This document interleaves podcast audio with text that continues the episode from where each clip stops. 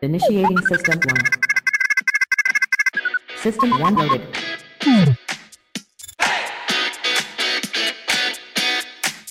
Ben je nou zo dom of is het niet? Waarom stel je dan deze vraag?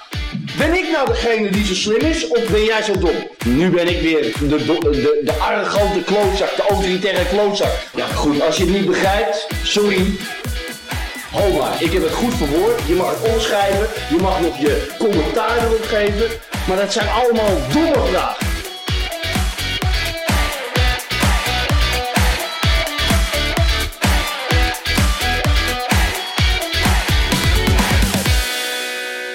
Hey, hallo en leuk dat je luistert naar weer een nieuwe aflevering van de Voetbalpodcast. Mijn naam is Simon Driessen en ik zit hier niet alleen met Sam Planting deze keer, maar ook met eh, wij van WC Eend, Jaron Blonk. Zeker. Want Ja. normaal gesproken krijg, eh, krijg ik altijd, eh, me- zit ik hier met mijn grote vriend. Ik durf wel voor ons twee te spreken dat ik zeg dat wij hier met onze grote vriend Jaron eh, zitten. Ja, je mag voor, voor mij spreken deze keer.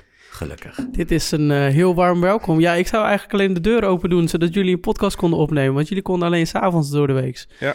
En eh, ja, toen zei ik, ja, kom er gezellig bij zitten. Nou Ja, dat Ja. laat ik als, als, als twee eh Twitter-voetballegendes dat aan je vragen, dan eh, zeg je geen nee. Ja, eigenlijk, eigenlijk doe ik dit ook een beetje voor mijn eigen gewin, want ik heb niet alles gezien de- dit weekend. Dus daar kan Jaron kan mij mooi helemaal over buitenlands voetbal een beetje bijpraten. Dus, eh, en eh, ja, welke podcast kunnen we hier nog meer voor?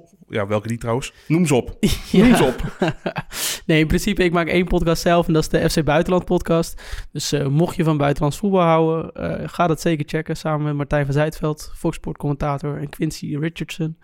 En eh, ik mag ook nog wel eens opdraven in de FC Afkick Daily, mochten Niel dan wel broers verhinderd zijn.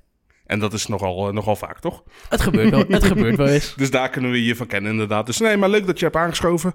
Maar ja, laten we, laten we over voetbal gaan praten, toch? Jazeker. Ja. Dan zijn we brave werknemers. Hè? Dat we dus zonder dat het van bovenaf wordt verteld, dat wij eh, kruisbestuiving tussen alle podcasts. eh, Ja, zal, zal. Niel dit wel goed vinden, dat we jou lenen? Ja, dat denk ik wel. Ja, en weet je, het is gebeurd. Wat gaat hij hier Ja, nog van vinden? Is Niel ooit in de voetbalpodcast geweest? Nee, en dat wil ik eigenlijk wel zo houden. Ja, Want het is een illustre rijtje hoor, over het algemeen. Dat, eh, we hebben Willem Haak, die heeft het een paar keer gedaan. Ja, Thijs Faber ook. Thijs Faber ook. Oh ja. Ja, die hebben we toen volgens mij gewoon een kwartier lang hebben die gewoon belachelijk gemaakt. Onze Belgische vriend Guillaume. Oh ja, zeker. Ja, ja, Zeker? ja, ja, ja. Nee, met, dat met, is... met de mooiste naam voor zijn dochter, vind ik. Heet hij ook Billy? Ja. Ah, Oh ja, dat, ja, ja, ja, dat is waar ook, ja. hey, maar laten we hier eh, gaan praten waar we voor zijn gekomen. Ik bedoel, Jaron is er niet voor niks. Ja, titelrace, hè?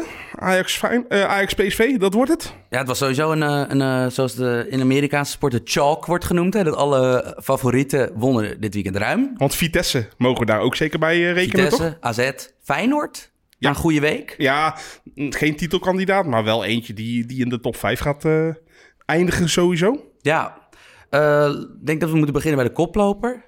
Eh, Utrecht-Ajax, dit was wel een wedstrijd. Dat zei, Mark van Rijswijk legde dat ook aan het begin van de wedstrijd heel goed uit... en bleef er ook niet te lang over doordrammen als commentator.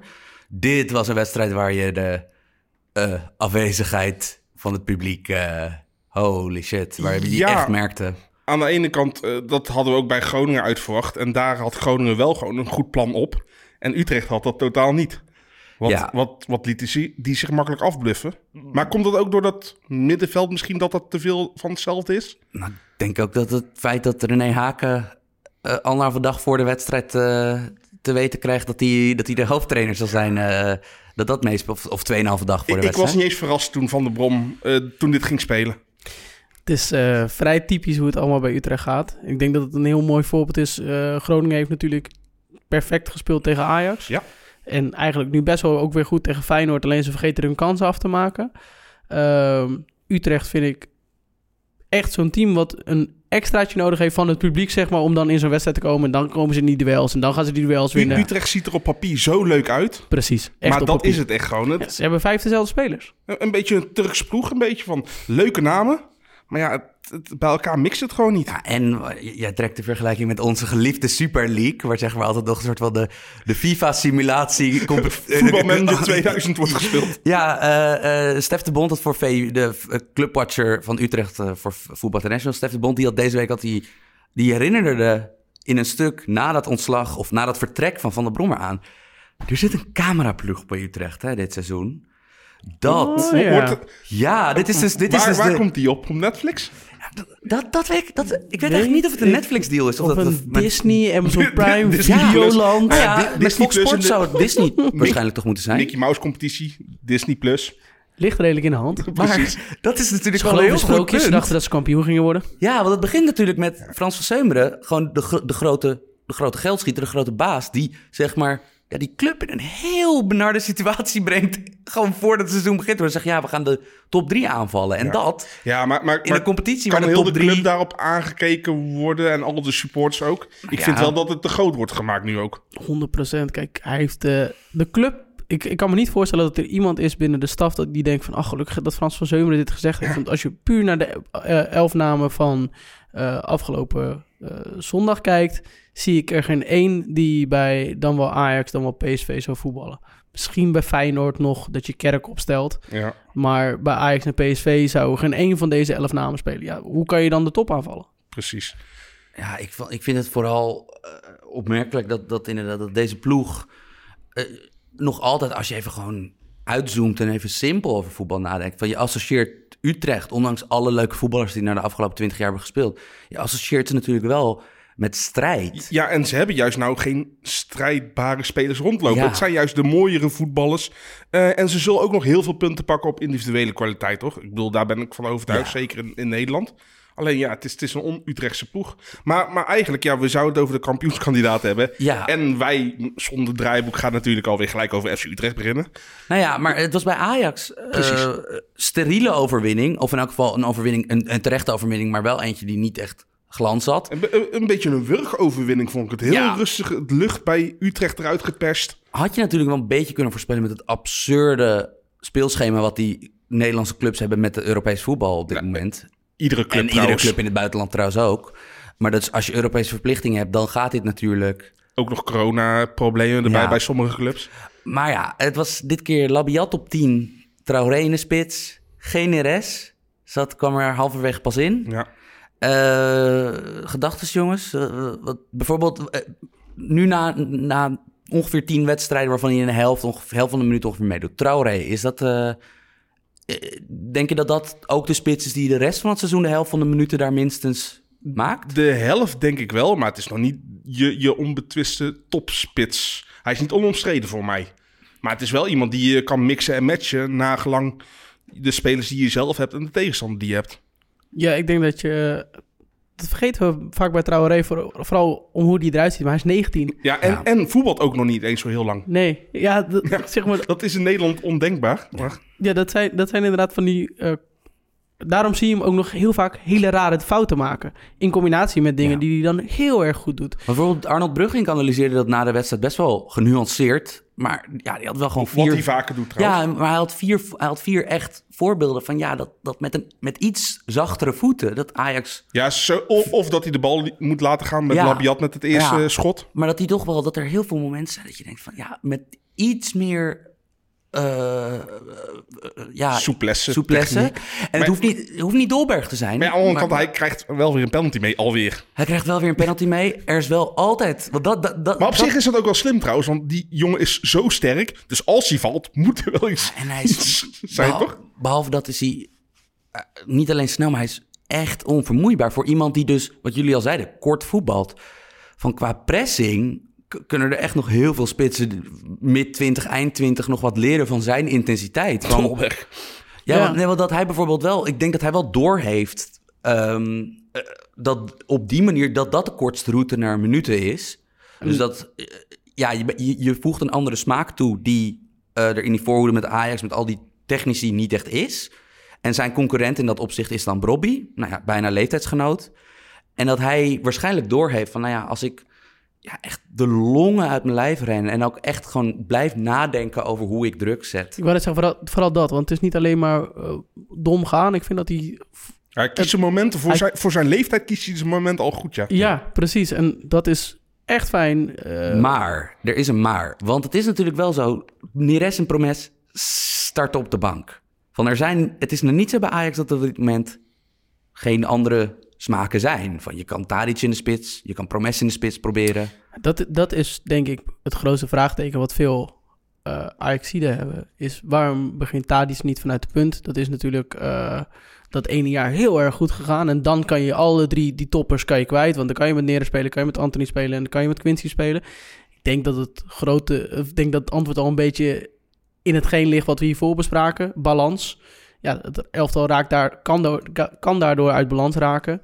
En eh, kan Tadic inderdaad dat druk zetten een heel seizoen lang in de Champions League, in de KNVB-beker, in de Eredivisie. Ik kan nou niet zeggen dat er Tadic op links dit seizoen iets heeft laten zien waarvan je denkt, haal hem daar weg. Want hij is, bedoel, hij is, hij is gewoon weer, het is gewoon echt we- automatisch. Het, het is heel raar, want als ik nog steeds zie spelen, denk ik van, nou, het kan beter. Maar uiteindelijk heeft hij altijd wel weer een assist of een, voorassist of een doelpunt.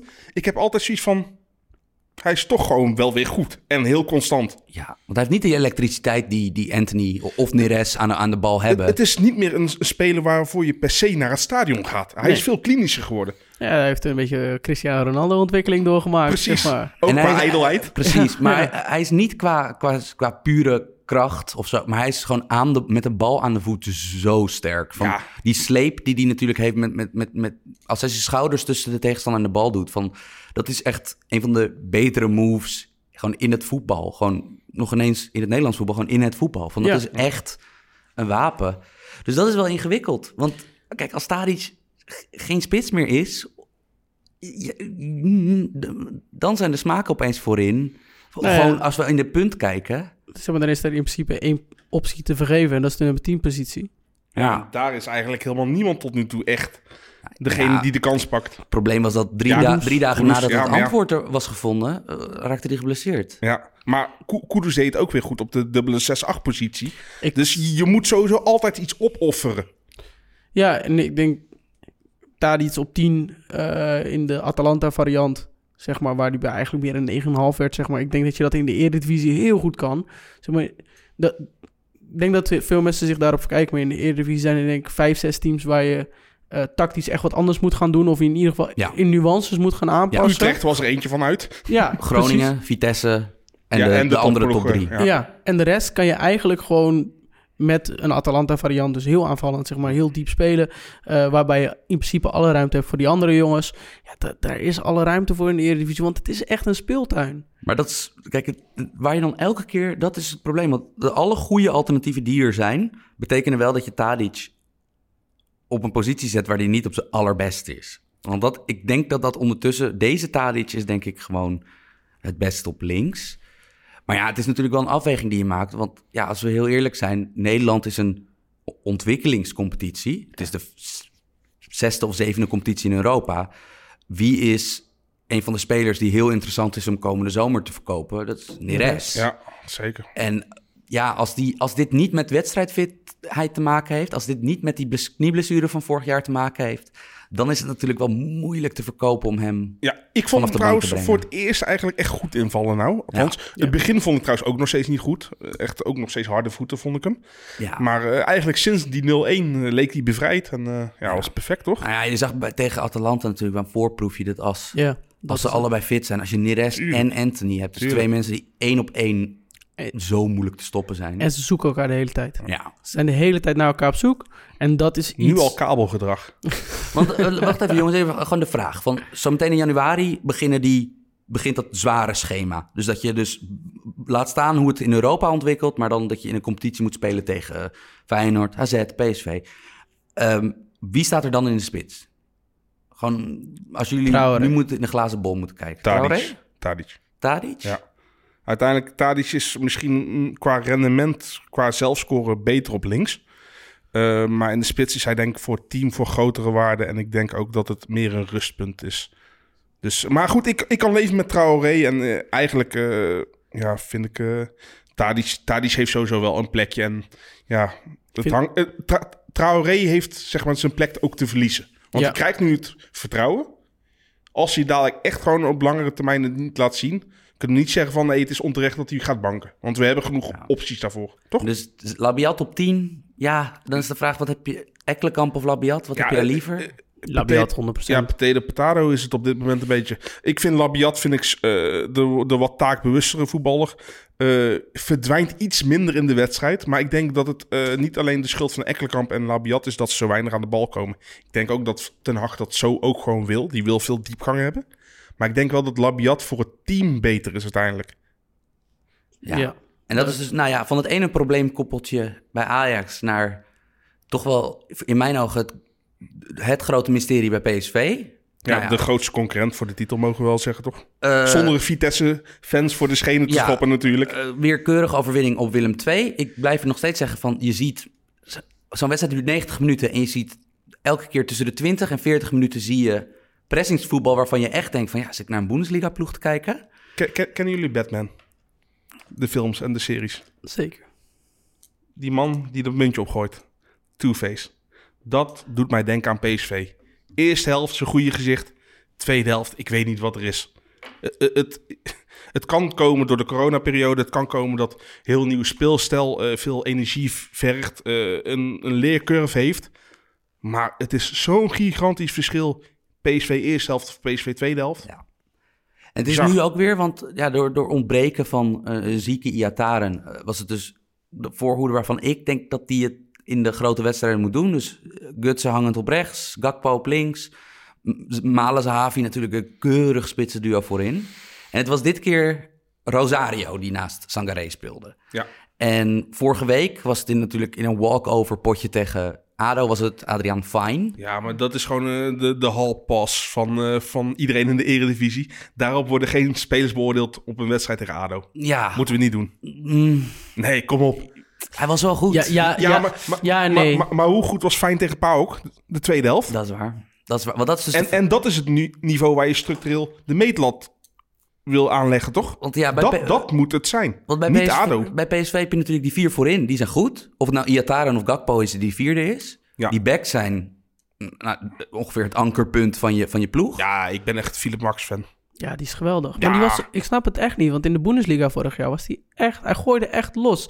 Na de, na de coronabreak, zeg maar, was hij nou, een van de belangrijkste spelers in de Bundesliga. En volgens mij zelfs twee seizoenen daarvoor. Hij volgens mij Ja. daar, daartussen heeft hij een een matig seizoen inderdaad een monsterjaar daarvoor ook Dat nog. was Ja. echt gewoon qua, qua, qua assist en qua expe- expected assist was het voor, voor een vleugel van de enige een bizarre output. Ah, Bij en- Augsburg. Ja. en Nog een ex-Bundesliga jongen die volgens mij ook een verrijking is voor de Eredivisie. Na een heel moeilijk begin. Mvogo. Ja, Lekker keepertje. ja maar, maar de, de nadruk wordt in Nederland ook gelijk weer gelegd op wat hij niet kan.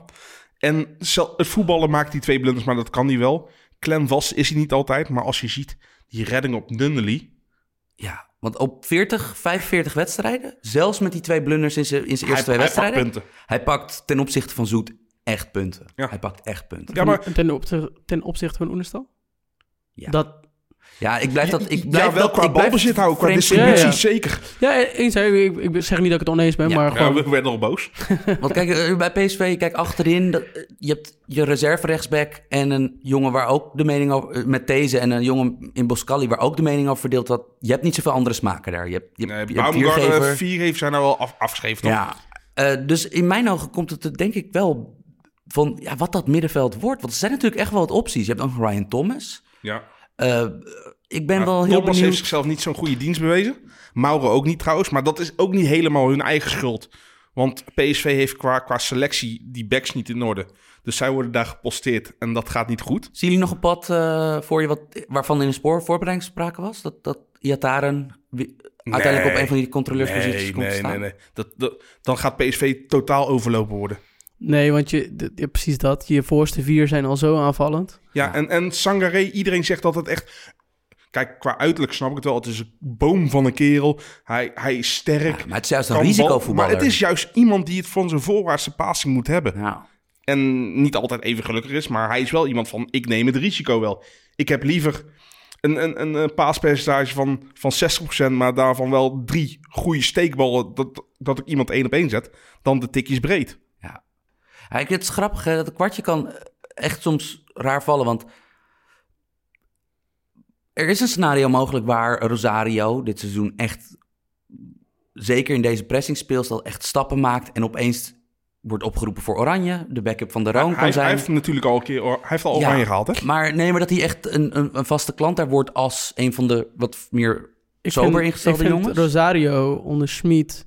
eh, we hebben natuurlijk de Rosario van Cocu en van Mhm. Van Bommel in ons Helemaal hoofd. van Van Bommel. En Ja, want, want bij Van Bommel doe ik gelijk aan Rosario denken... dat hij de aanvoerder was en eigenlijk zijn baasplaats verloor... en er heel verloren bij liep. En het ding was, eh, ze speelden een systeem waarbij hij niet vooruit kon pasen. Nee, precies. Er Want waren hij kreeg- geen opties. Er waren geen opties. Of hij kreeg de bal met een man in zijn rug... dat hij eigenlijk alleen maar terug of naar de zijkant kun- kan. En in dit systeem zie je dat hij meer tot voetballen toekomt. En dan zie je dat hij best wel lekker kan voetballen. Dat Kijk, hij er gaat wel nog nadruk op best wel. Hè? Want Ja, het is het- voorwaarts natuurlijk, zal nooit echt een... Er gaat zal nog, geen Gravenberg maar er gaat nog zeker niet. Nee, Maar ja, hij, mist, hij heeft dan wel wat Gravenberg heel erg mist. Ja, Zeg maar. De, positionering, verdediging- positionering. eh, awareness. Ja, Ja. en als je dan naast een Sangaré voetbal die wel risico in zijn passing legt, als dat elkaar op een gegeven moment gaat aanvullen, dan heb je denk ik een duo. En dan heb je Fijn erachter die een iets betere voetballer is dan Rosario, eh, denk ik. Maar in de marge, dan heb je een heerlijk middenveld staan voor niet alleen Eredivisie begrippen, maar ook Europa League eh slash Champions League volgend jaar ja, begrippen. Europa League is wel oppassen natuurlijk nu. Want het is... Het, ja, Ja, het staat, het staat gelukkig, PSV, dicht, het staat gelukkig dicht bij ja, maar Ze elkaar. presteren slecht, hoor. Kijk, 100%. Eén jaar wil ik ze, wil ik ze eh, vergeven. Het jaar dat ze met de Spurs en Inter en Barcelona in de pool zaten. Daar haalt geen enkele ploeg veel punten tegen. Mhm. Ja. Als Nederlandse club. Maar voor de rest, het is toch gewoon dramatisch, jongens. Volgens Ja. mij, als dadelijk een goed jaar wegvalt... gaan ze ergens naar de, naar, tussen de 40ste en 60ste plek... qua, qua, qua ploeg van, van Europa. ja. Terwijl Toon juist wil dat ze bij de beste 32 gaan horen. Maar ja, aan de andere is kant, weg, het, rare is dus in Nederland, waar ze dus wel natuurlijk lage weerstandpotjes hebben, maar je ziet wel de contouren van een echt betere ploeg langzaam tuurlijk, tuurlijk. verschijnen. Maar het probleem in Nederland is wel weer... Zo Max gaat nou voor Duitsland elftal spelen weer. ja. Doet het goed bij PSV? Ja. Ja. ja, het kan zomaar zijn. Kijk, link, linksbacks liggen niet voor het oprapen. Nee. Volgend jaar weg. Je hebt met Angelino gezien. Wel een andere vrouw, want daar zat natuurlijk een clausule in. Maar waar- waarom staat ineens eh eh bij Leverkusen volgend jaar niet op de deur eh, Ja. te kloppen? Nee, goed punt. Dus Ja. eh, Malen viel natuurlijk op bij Willem II, of bij PSV Willem II, miste weer een sloot kansen. Ja, ik vind dat dus, ik blijf steady en nerdy vasthouden aan het gegeven dat het gewoon heel een goed gegeven is dat je spits kansen krijgt. maar, maar spelers missen kans. Noem mij één voetballer die... Weet je wat het is? Ook een Huntelaar. Die, zijn, zijn, zijn legende wordt groter naarmate iemand niet speelt. Maar, maar een Huntelaar is ook qua, qua kansen echt niet zo steady, hoor. Maar er is natuurlijk wel Spelers een missen punt kansen. te maken dat Malen soms wel een beetje oogklepjes heeft. tuurlijk. Van, van, van dat hij... Maar ja, ik bedoel... Het hoeft nog ineens zo raar te rollen of die dude scoort 35 keer Ja, in de Eredivisie Maar seizoen. had hè? Malen die oogkleppen niet, dan was het de perfecte aanvaller en dan speelde hij niet eens meer bij PSV. Want Malen staat nu op vier goals, jongens, na acht wedstrijden. Zonder penalties. ik. Eh boe, zat daar een penalty bij? eh, Oeh, boe, zou, staat- ik zou nee zeggen. ik is een zou zeggen gok. eentje. Ik zou zeggen eentje. Oké. Eh, in elk geval, Volgens mij Zahavi en Max nemen ze eerder voor. Zoals, zoals aan het begin... Ja, Max, Max neemt ze inderdaad bij PSV. Maar eh, eh, zoals altijd in het begin van het seizoen... staan er nu nog redelijk vreemde namen boven in de topscorerslijst. Maar het is natuurlijk wel zo. Elk jaar zijn er één, twee, drie jongens... die, die er bovenin de Björn Vlemmingse van deze Eh, wereld... Hebben jullie dat artikel trouwens gelezen op Vice? Van eh, Michel Dodeman. Nee, nog niet. goed. Ik heb- de, de Flemings Index, dat was heel goed. Ja, Ik, dat is een, ik, eh, ik lach niet vaak, maar ik heb gelachen. Ja. Eh, zitten natuurlijk best wel wat spitsen tussen nu. Eh, Veerman, Henk Veerman, eh Giacomakis Henkinho. en eh, Danilo. Ja, Ja, die Danilo van Twente, de huur- Ajax-huurling. Eh, ze scoren erop los. Danilo weer dit weekend twee. Giacomakis er weer eentje Da- bij. Danilo is toch helemaal geen Braziliaan hoe die speelt? Nee. Ik, ik geloof, in, die is gewoon geadopteerd. Ja, dat is een heel, Ja. heel, Du- heel Duitse spits. Die is gewoon geadopteerd. Ja, is, eh, Paulo Rink is dat. Kennen jullie die nog? Ja, ja, ja. hij heeft ook niet per se hele zachte voeten, Nee. zoals dat net zo mooi werd gezegd. Maar eh, die is echt fantastisch aan het seizoen begonnen. Deed bij Jong Ajax wel ook altijd wel echt goed scoorde. ja, Ja, maar, maar werd ook vaak bijvoorbeeld als linksbuiten. Als linksbuiten, Ja, want Traoré was ik de heb hem voor het spits. seizoen Ja. vaak zien voetballen, want ik ging vaak op maandagen gewoon simpelweg, omdat, ik- op, omdat dat was mijn vrije avond. Da- ging ik Danilo's vaak, eh, rendement bij Ajax is, jong Ajax is nooit een probleem geweest. Het voetballende Ja. kwaliteit was meer zijn euvel. Maar ja, Twente, eh, omschakelingsploeg. Meer ruimte.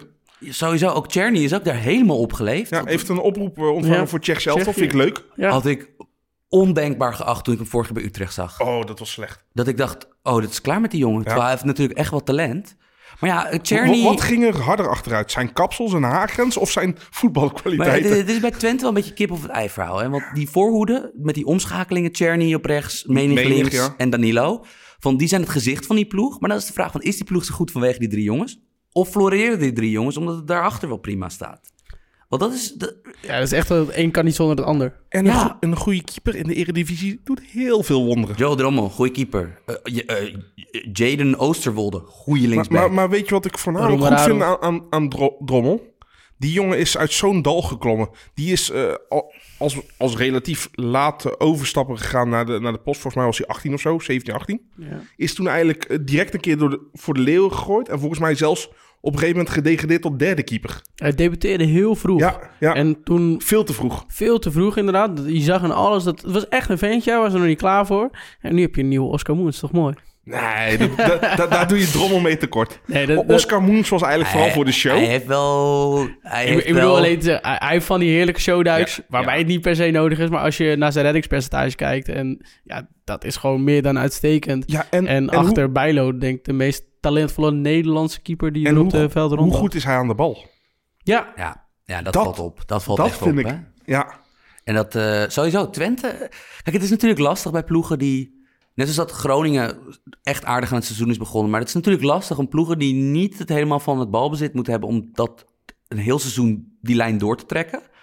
Maar bij Twente ja en, we geval- waarderen het ook te weinig nog steeds in Nederland. Nee, maar ook als we kijken naar de verwachtingen voorafgaand aan het seizoen bij Twente. Ja, kom op jongens, dit is echt alles waar ze op hadden kunnen hopen. Ja, echt alles. Maar, maar dat is met meerdere ploegen. En dat hadden we volgens mij de vorige keer met Heerenveen altijd al over. Ja, En ik ben geneigd om jou te volgen. Heerenveen heb Dat Heerenveen niet legit is beetje, en Twente wel. eh, Ja, Maar Twente tegen PSV is volgens mij de volgende wedstrijd.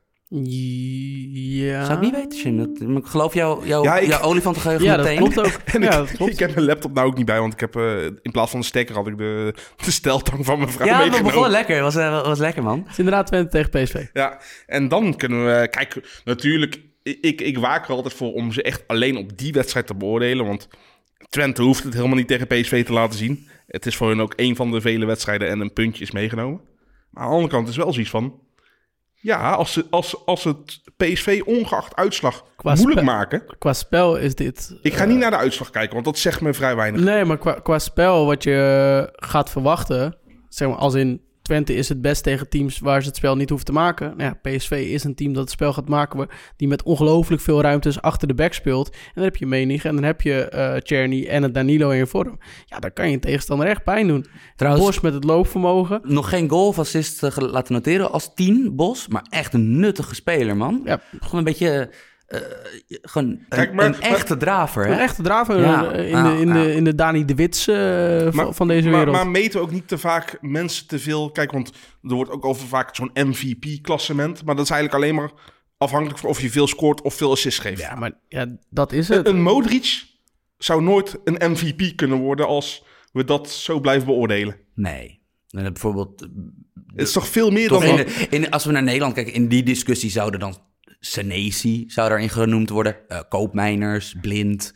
Want dat is natuurlijk... Dat, Ja, Leroy Ver scoort er geen Le- 15. Ja, Nee, nee, ja. Leroy Ver. Ja, inderdaad, vroeger wel. Terwijl ik vind de Leroy Ver van nu een vele malen betere speler dan Ja. toen hij nog een aanvallende middenvelder was. Ja. Dat, en dat is, ik denk dat je ook gewoon vooral moet kijken per fase van wat brengt een voetballer, zeg maar, een, een, een hele goede zes zie je relatief weinig als je er niet op let, want die is letterlijk ook gewoon niet in beeld. Hij is gewoon veel minder in beeld. Dus het is, is ook moeilijk om erop te letten, want de bal is op rechts en jij moet eigenlijk naar achter kijken van oké, hoe bewaakt hij de restverdediging of wat doet hij met zijn eerste baldistributie, hoe is zijn eerste aanname. Zelfs een matige spits valt sneller op dan Juist. een hele goede zes. Juist. Ja. Jongens, wie van die eh, drie eh eh verrassingstopscorers? Want die staan dus echt, die drie, die, we- dus Veerman, Giacomakis, Danilo, die staan nog boven de usual suspects. Dus Berghuis, Tadic, Malen.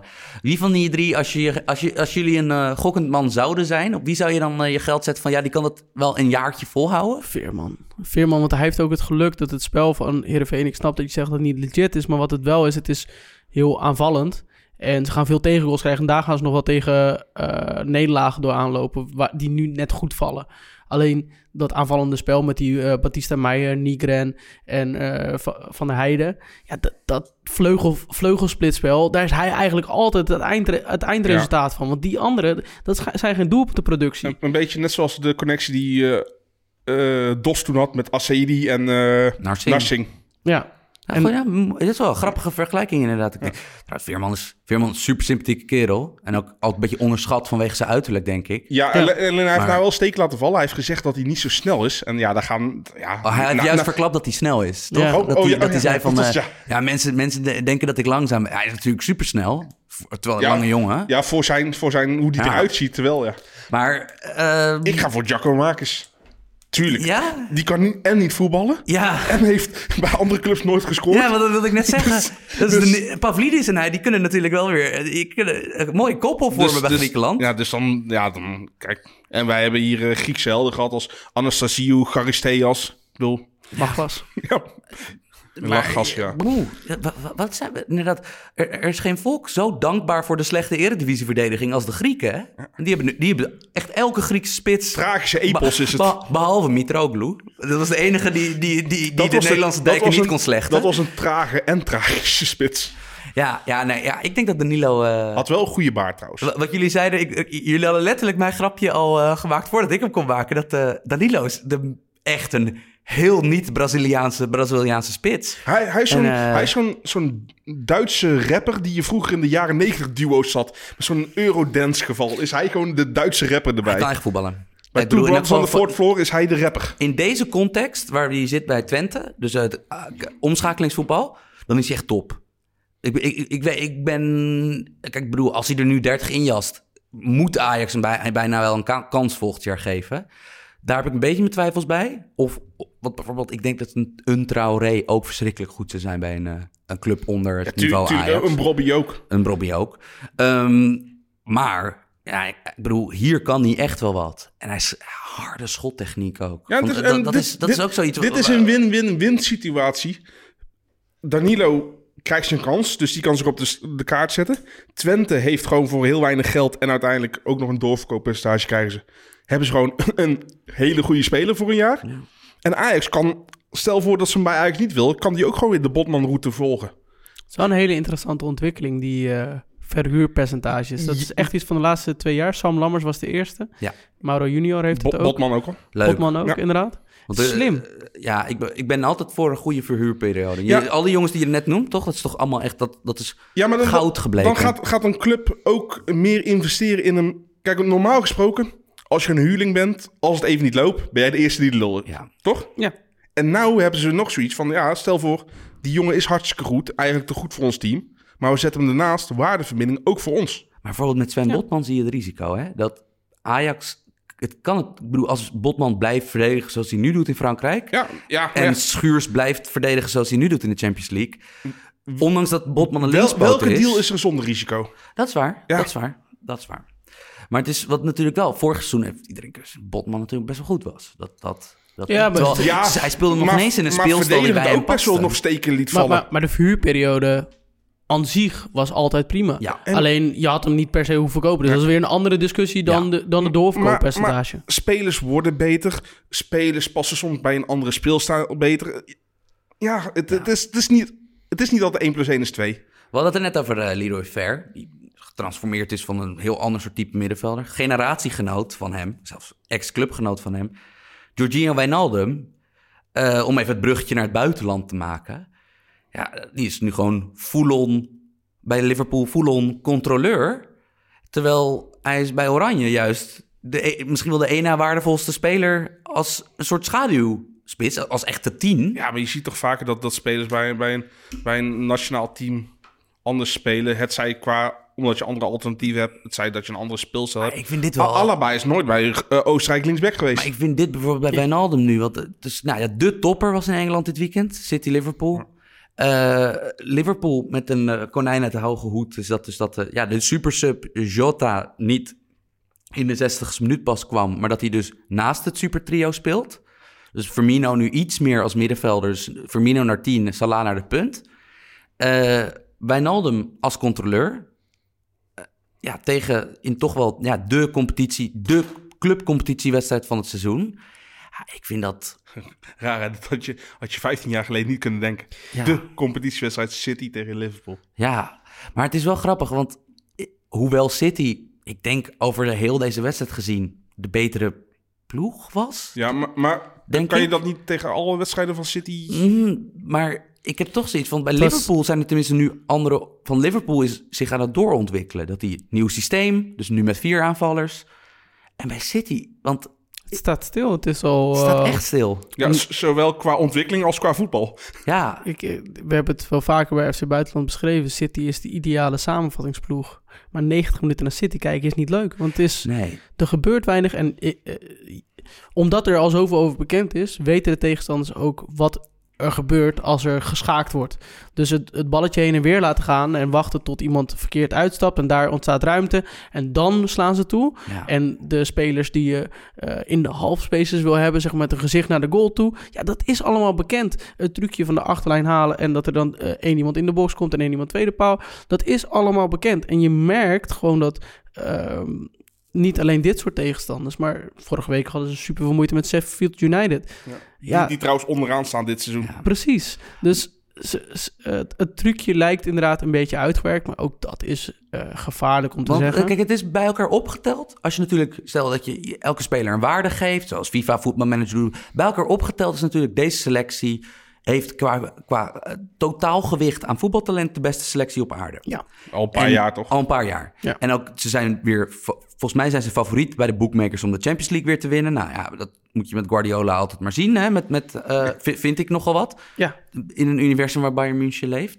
Ehm, ja, het is wel zo. Als je nu nadenkt van wat er de laatste tijd is bijgekomen.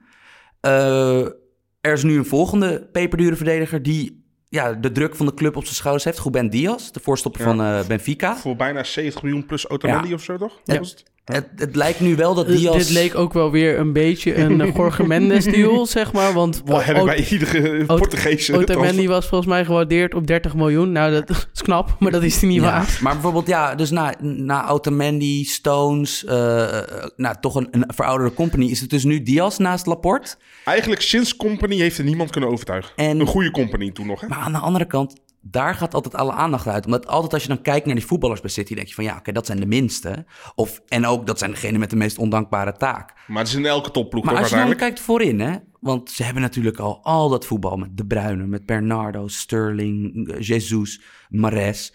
Daar is nog bijgekomen een doorgebroken Foden. En daar is bijgekomen Ferran Torres. Dat is, als je kijkt wat ze zijn kwijtgeraakt, dat is alleen Sané. Dat is wel heel veel dezelfde smaak. Terwijl zeg maar de enige troefkaart die je had, en hij was vorig seizoen het hele jaar geblesseerd. Maar Sané was natuurlijk altijd de, ro- de roadrunner. Gewoon degene die echt Diepgang. pure snelheid had. En die kon ook kut zijn, maar ve- veelal niet. Gewoon, meestal was het gewoon echt een troefkaart. Ik vond echt, ik, ik heb, er zijn veel transfers geweest afgelopen zomer, alsnog. Deze snapte ik echt niet, want het is zeg maar 40, 50 miljoen. En een Ik- directe concurrent voor de Champions League. Direct concurrent voor de Champions League. Hij is geweldig, maar ik snap ook niet dat eh, concurrentclubs in, in, in Engeland niet zoiets hadden. 50 miljoen, jongens. Ja, Ja, wel tegenover echt een... Sané was natuurlijk wel een astronomische verdiener. Dat, en dat Ja. is, Bayern heeft natuurlijk wel een, eh, eh, Bayern heeft toch altijd zeg maar een salarishuis wat wedijvert met City. Dus dat is natuurlijk wel een beetje de nuance daar. Maar dit blijft vreemd. Dat, Ja, dat ja, hun enige en- en andere voornamelijk- smaak... Voornamelijk inderdaad de, de, de opvolger, dat dat een he- gewoon hetzelfde is wat je al hebt. Het, het, het, voelt een beetje voor mij aan alsof je zeg maar boodschap gaat doen. Je wilt eh, de gele M&M's met de nootjes, helemaal uitverkocht. Maar je ziet die bruine zak M&M's en neemt het toch maar mee, terwijl je thuis eigenlijk ook nog drie andere zakken bruine M&M's hebt. Want City heeft nu eh, drie gelijke spelen en een nederlaag. Dat Ze hebben negen punten laten liggen in zeven duels. Ehm, Liverpool heeft volgens mij nu hoeveel verliespunten minder? Volgens mij drie verliespunten minder. Ja, Ja, en ze- ja, want ze- hebben een wedstrijd meer gespeeld dan ja, City. Ze maar hebben verloren van Aston Villa, deze gelijk gespeeld en volgens mij nog één gelijk spel ertussen. ja. En als je dan kijkt, nou ja, dan hebben ze dus twee verliespunten eh, minder. Maar, maar ik heb wel zoiets bij. Bij Liverpool kan het, ondanks het wegvallen van Van Dijk. En dat je dus nu, eh, ja, toch echt wel veel vraagt van Matip en, en Gomez als centrale verdedigers. Ik denk, ik denk dat, dat dat is het grote verschil. Eh, s- Liverpool is heel duidelijk. Liverpool is vrij overtuigend kampioen geworden vorig jaar. En eh, hebben eigenlijk hun team best wel aangepast. Want Diego Jota is, is gehaald. Maar En dat, dat is- vind ik zo knap trouwens. Want normaal, als jij kampioen wordt, dan... Ja, letterlijk dat. Toon Gerbrand zei het al een keer. Als nummer 1 moet je als nummer 2 gaan denken. Ja, ja maar je, moet- je blijven... Ja, want en ze hebben, eh, ze hebben twee eh, spelers gehaald die niet per se direct passen in het Liverpool-spel van wat je de afgelopen twee jaar in je hoofd hebt. Diego Jota en Thiago Alcantara. Ja. Zeg maar, dat zijn twee spelers die niet perfect matchen.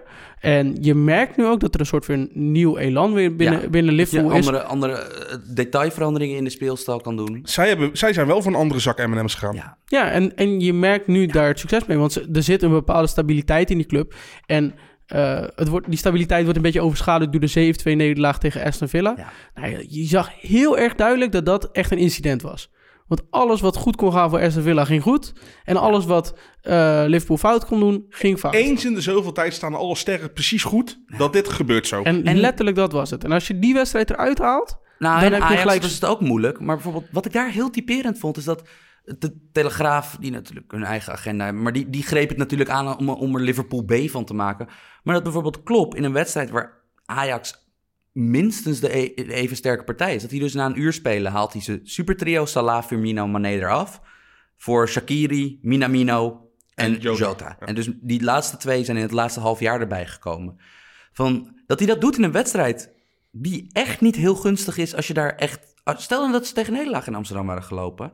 Want dat zegt ook wat over hoe hoog hij bijvoorbeeld die reserves heeft ja, hij heeft er vertrouwen natuurlijk. En het grappige is wel, is dat die, die, bieden wel weer zeg maar andere kwaliteiten dan... Bijvoorbeeld Jota vind ik dan weer een heel slimme Ja. ruimtezoeker. Eh, waar bijvoorbeeld Man- Mané en Salah wil je natuurlijk zoveel mogelijk de bal geven. Jo- Jota is gewoon een slu- sluipschutter. Ja, en ik vind het grappig dat gewoon in dat opzicht vind ik Liverpool. Terwijl die, ja, ik denk dat City qua geld nog altijd met ze kan wedijveren. En ook qua puur voetbaltalent. Maar qua smaken, ik weet het niet, man. Gewoon, Maar ik- als je, als je puur de elftallen van vorig jaar tegenover elkaar zet, zeg maar, wie, wie hebben er elf betere voetballers, dan wint City. Gewoon puur Ja, technisch ja. betere voetballers. Ja. Alleen, welk team is meer complementair aan elkaar? Precies. Zeg maar, ja, eh Wijnaldum en Henderson zou ik nooit eh, in het rijtje tien beste middenvelders ter wereld zetten. nee. Kijk, en, en- en Maar weet, zijn weet je in wat die ook is? context van Liverpool in die natuurlijk context van zo Liverpool, perfect. Maar Liverpool kan wisselen zodat alles hetzelfde blijft, of wisselen zodat alles anders is. Ja. En eh, eh, City kan wisselen zodat alles hetzelfde blijft. Ja. Maar is dat ook niet een beetje... En Liverpool kan natu- natuurlijk altijd wedstrijden waar ze 40% balbezit hebben. Ja, of waar, het even, waar, snap je, waar Henderson eh, het, het even niet heeft in balbezit. Kunnen ze nog altijd wedstrijden winnen met, die, met zeg maar wat ze buiten balbezit doen. En bij City, terwijl ze al hun grote kans tegen Liverpool dit weekend kwamen uit pressingsmomenten. dus Guardiola had het weer goed neergezet. Maar het is natuurlijk over de laatste tien jaar gekeken. Guardiola-ploegen nemen extreme risico's met pressing. En er zijn gewoon eigenlijk bijna geen verdedigers die, centrale verdedigers, die dat een heel seizoen lang overleven. Maar het lijkt bij mij bij Guardiola ook altijd of hij zichzelf opnieuw weer wil uitvinden, opnieuw wil Ja. bewijzen, maar steeds maar weer het, een beetje een soort Einstein van Ja. steeds maar hetzelfde proberen en een ander resultaat verwachten. En dat heb ik niet alleen bij City, op een bij Bayern München en Barcelona ging het na een tijd ook mis. Ik bedoel, ik, ik zit wel altijd te, te zeuren op, op Mourinho dat hij maar voor twee jaar houdbaar is. Ja. Maar misschien is dat met Guardiola precies hetzelfde. Ik vind dus wat hij doet qua... Nog altijd qua... Nou, wat Jeroen ook zegt, dus dat, dat hoe, hoe, hoe, hoe hij de veldbezetting doet. En hij is vooral altijd natuurlijk heel erg van het schuiven met, eh, met backs. Van dat hij opeens opduikt als extra middenvelder. Eh, dat hij altijd weer een leuke manier vindt om De Bruyne en Bernardo in de juiste plek, op de juiste plekken vrij te spelen. zijn ook goede voetballers. Nee, maar het zijn geniale detailveranderingen die hij doet. Terwijl, zeg maar, heel, heel simpele dingen. Van, dat je dus van, nou ja, dat je ook, Je mist, wedstrijd, dat je ook wedstrijden op een andere manier kan je winnen. mist af en toe gewoon wat direct, Hij- directie in zijn spel. Ja, gewoon hij, gewoon is, echt letterlijk... hij is zo perfectionistisch dat hij de makkelijke oplossing niet meer ziet. Ja. Dat, Dat, is was bij. Bayern, dat, dat is echt, bij Bayern was dat de samenvatting van zijn, wat hij had op de, de, ik denk nog altijd dat Bayern München, toen het daar echt liep met Guardiola, de coolst voetballende ploeg is in mijn leven. Nog beter dan dat Guardi- eh, Barcelona van Guardiola. Omdat het was zo dynamisch met zulke goede voetballers. Maar dat er wel weer, er zat, een veel, er zat zeg maar wel een rode knop. Zo van, dat, je kon de boel weer helemaal laten exploderen. En dat is nu ook weer. En ik vind dus dat ze dit seizoen voor het eerst, sinds Guardiola's eerste jaar bij City, vind ik het aanvallend een beetje steriel worden. Het is meh. Dat ik denk, eh, maar even sowieso, Engeland is natuurlijk echt super raar. Want er is eigenlijk nog geen topclub die het aantal punten heeft verwacht wat je verwacht van de grote zes. Oké, Leicester is geen topclub meer. Nou ja, dat is dus de vraag. Want geworden. Leicester staat, We waren eerder kampioen van de Premier League dan Liverpool. Leicester staat nu bovenaan. We hebben daarnaast met Aston Villa, eh, Southampton. Aston Villa vorig jaar degradatiekandidaat. Ja, eh, Southampton. Nou, vorig jaar hebben we nog met 9-0 van Leicester verloren. Eh, we hebben met eh, Southampton, Aston Villa, Leicester en Leeds... vier outside ploegen die echt goed goed lijken. En waar je ook gewoon eh, bij de meesten ook echt de hand van de trainer ziet. Kijk, bij Ja, Leeds dit- hoeven we niet uit te leggen natuurlijk. Maar Southampton met Hazenhutel. Ja, dat is het. En maar wie, jongens, wat jullie hebben... Ik denk Jaron iets meer dan wij, maar wie van die, van die vier toch clubs die niet... eh, Snap je, in een heel ander financieel spel spelen dan, die, dan de zes grote clubs in Engeland. Wie van die vier denken jullie van, nou ja, dat zou wel eens... Dat is, daar zit het dusdanig goed in elkaar van. Dat zou wel eens een heel verrassende top 4 notering Buiten kunnen de, zijn. buiten de top 6 heb je één team wat al heel dicht tegen die top 6 aan zit. En dat is Leicester. Dat, merkte Ja. je, dat merkte je vorig jaar natuurlijk Zeker. ook al. Ehm, en die hebben zich alleen maar doorontwikkeld. Die, hebben, die pakken de juiste spelers, hebben een scouting op orde. Doen ze goed, hè? Ja, maar dat is het, dat is het wel, zeg maar. Want ze hebben niet de middelen. Eh, maar met 30 miljoen kan je nog steeds hele goede voetballers Ja, kopen. ja, maar dat is het juist. Premier League, ieder Premier League team zou fucking goed moeten zijn, omdat ze juist ten opzichte van de rest van de wereld zoveel geld hebben. Maar wat krijg je? Ze worden lui. Maar maar- je ziet Want nu ze al- kunnen het toch wel Maar betalen. ik vind nu, en ik bedoel, het is enerzijds dus echt gewoon dat het, het moordende Europese schema, eh, niet alleen van de, dit coronajaar, maar ook van daar daarvoor. Je ziet dus nu dat er duidelijk met die topploegen, terwijl die zijn natuurlijk ziekelijk rijk, die, die grote zes in Engeland. Maar je ziet nu dat, ze, dat het- de competitiestart was raar. Gewoon, het was, je zag daarin, veel meer dan in andere competities, zag je die topclubs het echt lastig hebben. Eh, ook omdat er, als we heel eerlijk zijn, daar gaan we het straks over hebben, omdat er bij een paar misschien niet echt super beleid wordt gevoerd. Ik, ik, ik kijk naar United en Arsenal. Maar eh, alsnog, van die vier... En dan Leicester vind ik een beetje flauw. Dus van de drie Ja. de wildcards. Dus Dan Leeds, Wolves. Aston Villa, Oké, Southampton. dan doe ik niet meer mee, want ik had dus Leicester, dus oké. Maar Leicester, nee, maar Leicester... Jij, jij zei er net nog, Leicester is al een beetje top. Ja, dat is waar. Maar denken jullie top 4 weer Leicester? Dat zou heel knap zijn. Voor, mij, voor mij is het dan... Ik vind Southampton heeft qua tactiek zit dat gewoon het beste in elkaar.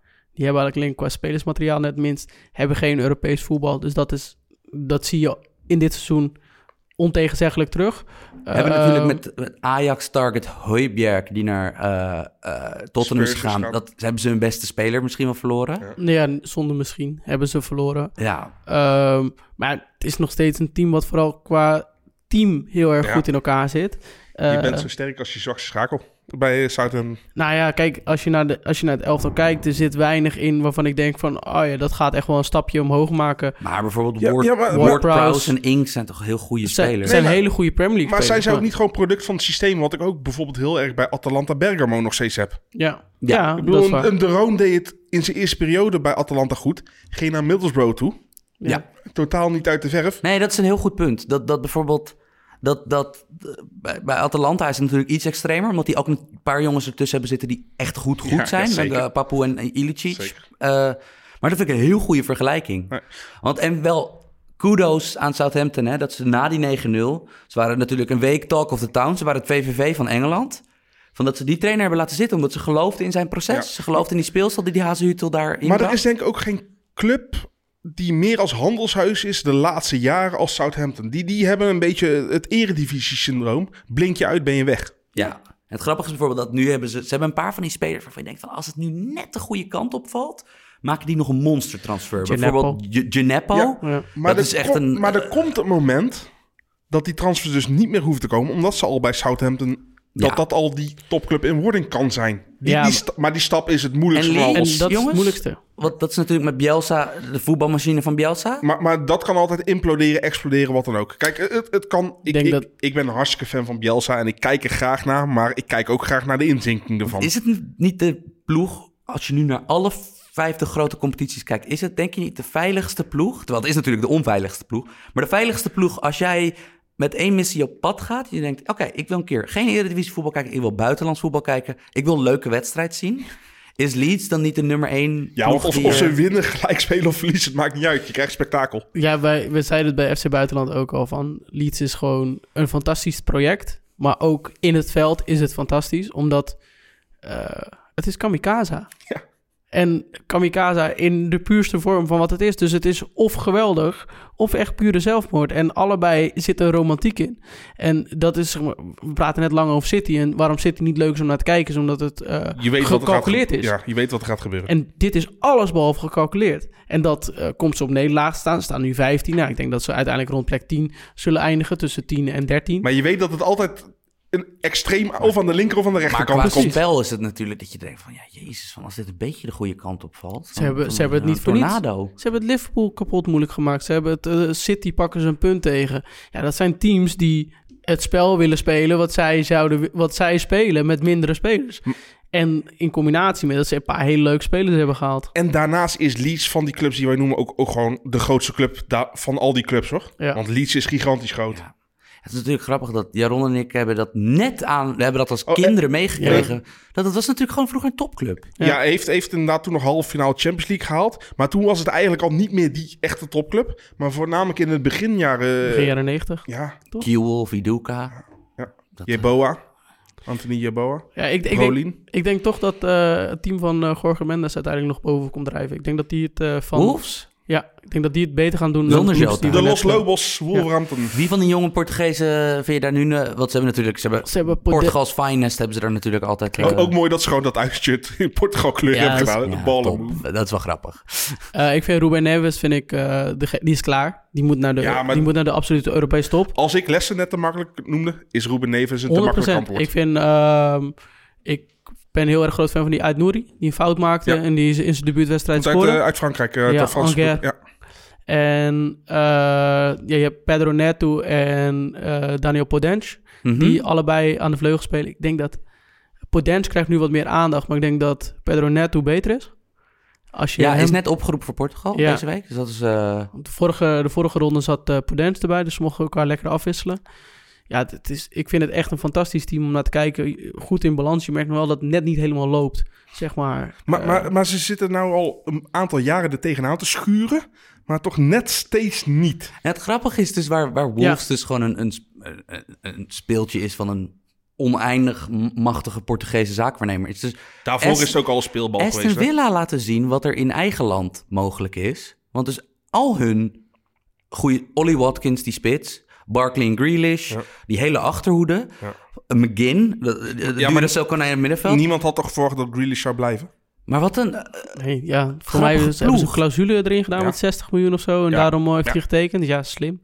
Maar echt eh, grappig hoe die ploeg... Hoe, dat, hoe die ommekeer nu... Nou, het is natuurlijk een, een traject wat ook twee jaar geleden is ingezet. Vorig jaar gaven ze het meeste geld uit, volgens mij naar Chelsea. En of niet naar Chelsea, naar City eh, van de Premier League, 150 miljoen. Toen Ja. was het tot de laatste dag eh, strijden Ja. eh, tegen degradatie. Maar je ziet nu wel dat de fundering die daar destijds is gelegd... want veel van die spelers spelen er nu nog steeds.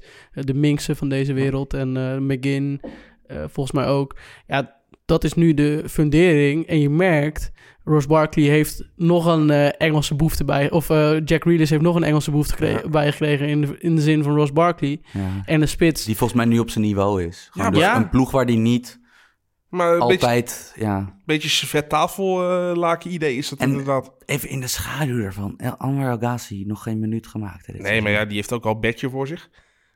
Ja, dat Bertrand is... Traoré en daarvoor staat Trezeguet. en, en Traoré doet het al niet eens zo supergoed. Nee, want Trezeguet speelt eh, Ja. over het algemeen. Stel Ik dat ik El heb Ghazi bereid is wat salaris in te leveren. Welke Nederlandse club kan hem redden? AZ. Oh, maar die hebben Carlson. Ja, maar die kunnen hem ook niet betalen. Zelfs met inleveren kunnen ze hem niet betalen. Ja, Feyenoord zou perfect zijn. Zeker als eh, mocht eh, Berghuis weggaan... en dan kan, die, kan je copy-paste doen eh, op die rechterflank. 100%. Oeh, wel ander, Ja, ander type speler. Maar, maar wat, dit, dit is natuurlijk wel... Ja, Hoe het- even, hoe voor, dit voor, nu- voor alle duidelijkheid. Ik zeg niet dat ze van hetzelfde niveau zijn, maar ik, ik denk wel dat hij met de ervaring van in Birmingham en dat hij dat, dat hij dan terugbrengt naar eh, de Kuip, denk dat je echt een sensationele speler terugkrijgt. Maar- maar ja, Het is wel zonde, man. El ja, Ghazi's in- in- carrière is echt zonde. Ja, maar in Frankrijk ook mislukt bij, eh, bij Lille. Ja. ja, Hij was een van die jongens, want kijk, waar je nu de Bamfords van deze wereld en die, en die Phillips... Je ziet nu bij Leeds zie je een paar van die Bielsa-jongens die beter voetballen dan ze ooit zelf hadden durven denken. Wat denk je van Klisch? Klieg, inderdaad. Maar, maar dat, je hebt ook heel veel slachtoffers. Hè? Bij zo'n zot van een trainer die, die zoveel eisend is en zo... Ik denk wel dat... ehm, El Ghazi, ja, dat is wel... Oef. Van dat, dit is toch wel een van... Dit is bijna de... Ik bedoel, ja, hij voetbalt nog. Nee, maar- dit is wel de meest darkest timeline die... Als je dat eerste jaar bij Ajax erbij zou Ja, pakken maar- en dan maar naar hij- voren zou kijken. Maar is hij juist niet het product van de Ajax-stempel? Dat hij beter is gemaakt. Een jongen uit eigen jeugd, terwijl hij niet eens uit eigen jeugd kwam. Maar zo wordt het weer gebracht naar het buitenland. Scoort een paar keer goed. Heeft eigenlijk zijn beste wedstrijd niet eens op de vleugel gespeeld, maar een beetje in de spits toen. Ik vind El Ghazi nog steeds gewoon helemaal technisch een beperkte voetballer. Ja, ik, ik blijf het zonde winnen hoor. Ik denk niet dat hij bij de top 2, als we dat zo mogen noemen, Ajax en PSV in de basis zou staan. Nee. Nu Maar niet ja, meer, dat- nee. Maar dat, is ook wel, dat zegt ook wel wat over dat, hoe het niveau... Ja, dat Frank, ja, ja. De Broer, Frank de Boer-era Ajax Zeker. wel een ander niveau spelers Zeker, dan dit zeker. Ajax. Maar het zegt ook vooral dat El Ghazi ook niet beter is geworden.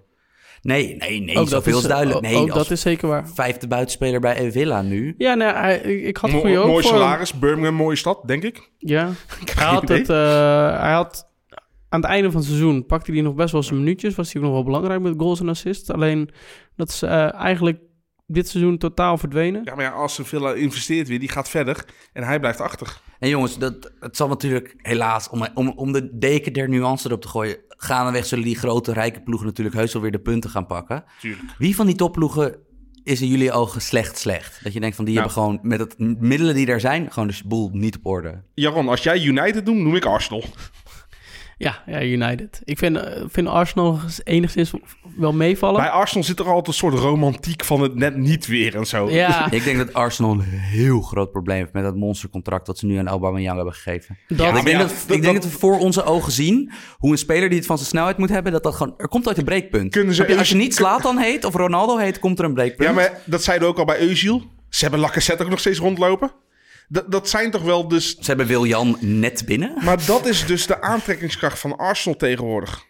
Ja, ja, het is, eh, dat, vind ik, dat vind ik jammer aan Arsenal. Want het gaan twee lijnen, verhaallijnen door elkaar heen. Want aan de andere kant halen ze Gabriel Magrao en ehm, eh, Pa- Thomas Partey. Twee spelers Ja. die ze absoluut nodig hebben en die directe versterking jij zei zijn. ook van Torreira.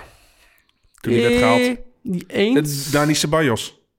Ja, maar die was altijd tot traag. En natuurlijk, ehm, kijk, al, hadden zij nu, al halen zij nu Aouar, want die, de- dat verhaal, die verhaallijn En de loopt nog steeds. spelmaak van Lyon, die zo Ja. goed was in de. Champions League. Ja, Eh, je hebt Thomas Partey en je hebt Gabriel Magaus. Maar het is Dan heb altijd je- weer toekomstmuziek bij Arsenal. Het is altijd weer ook leuke techneuten die, waar dan... Op de lange termijn en uiteindelijk blijken ze toch niet goed genoeg. Dus gaan we weer een nieuw belovend speler halen dus die ook op lange termijn weer niet goed genoeg shit- is. Toen het shit leek en dat ze gewoon eindelijk gewoon de, de, de sleutels van de auto, auto echt aan de jonkies gaven. Dus dat je...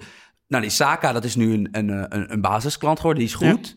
Maar ja, je hebt nog een paar jongens die misschien... Ja, eh, Reece Nelson is hem net niet. En Martinelli. Nelson. Van, ik heb zoiets van...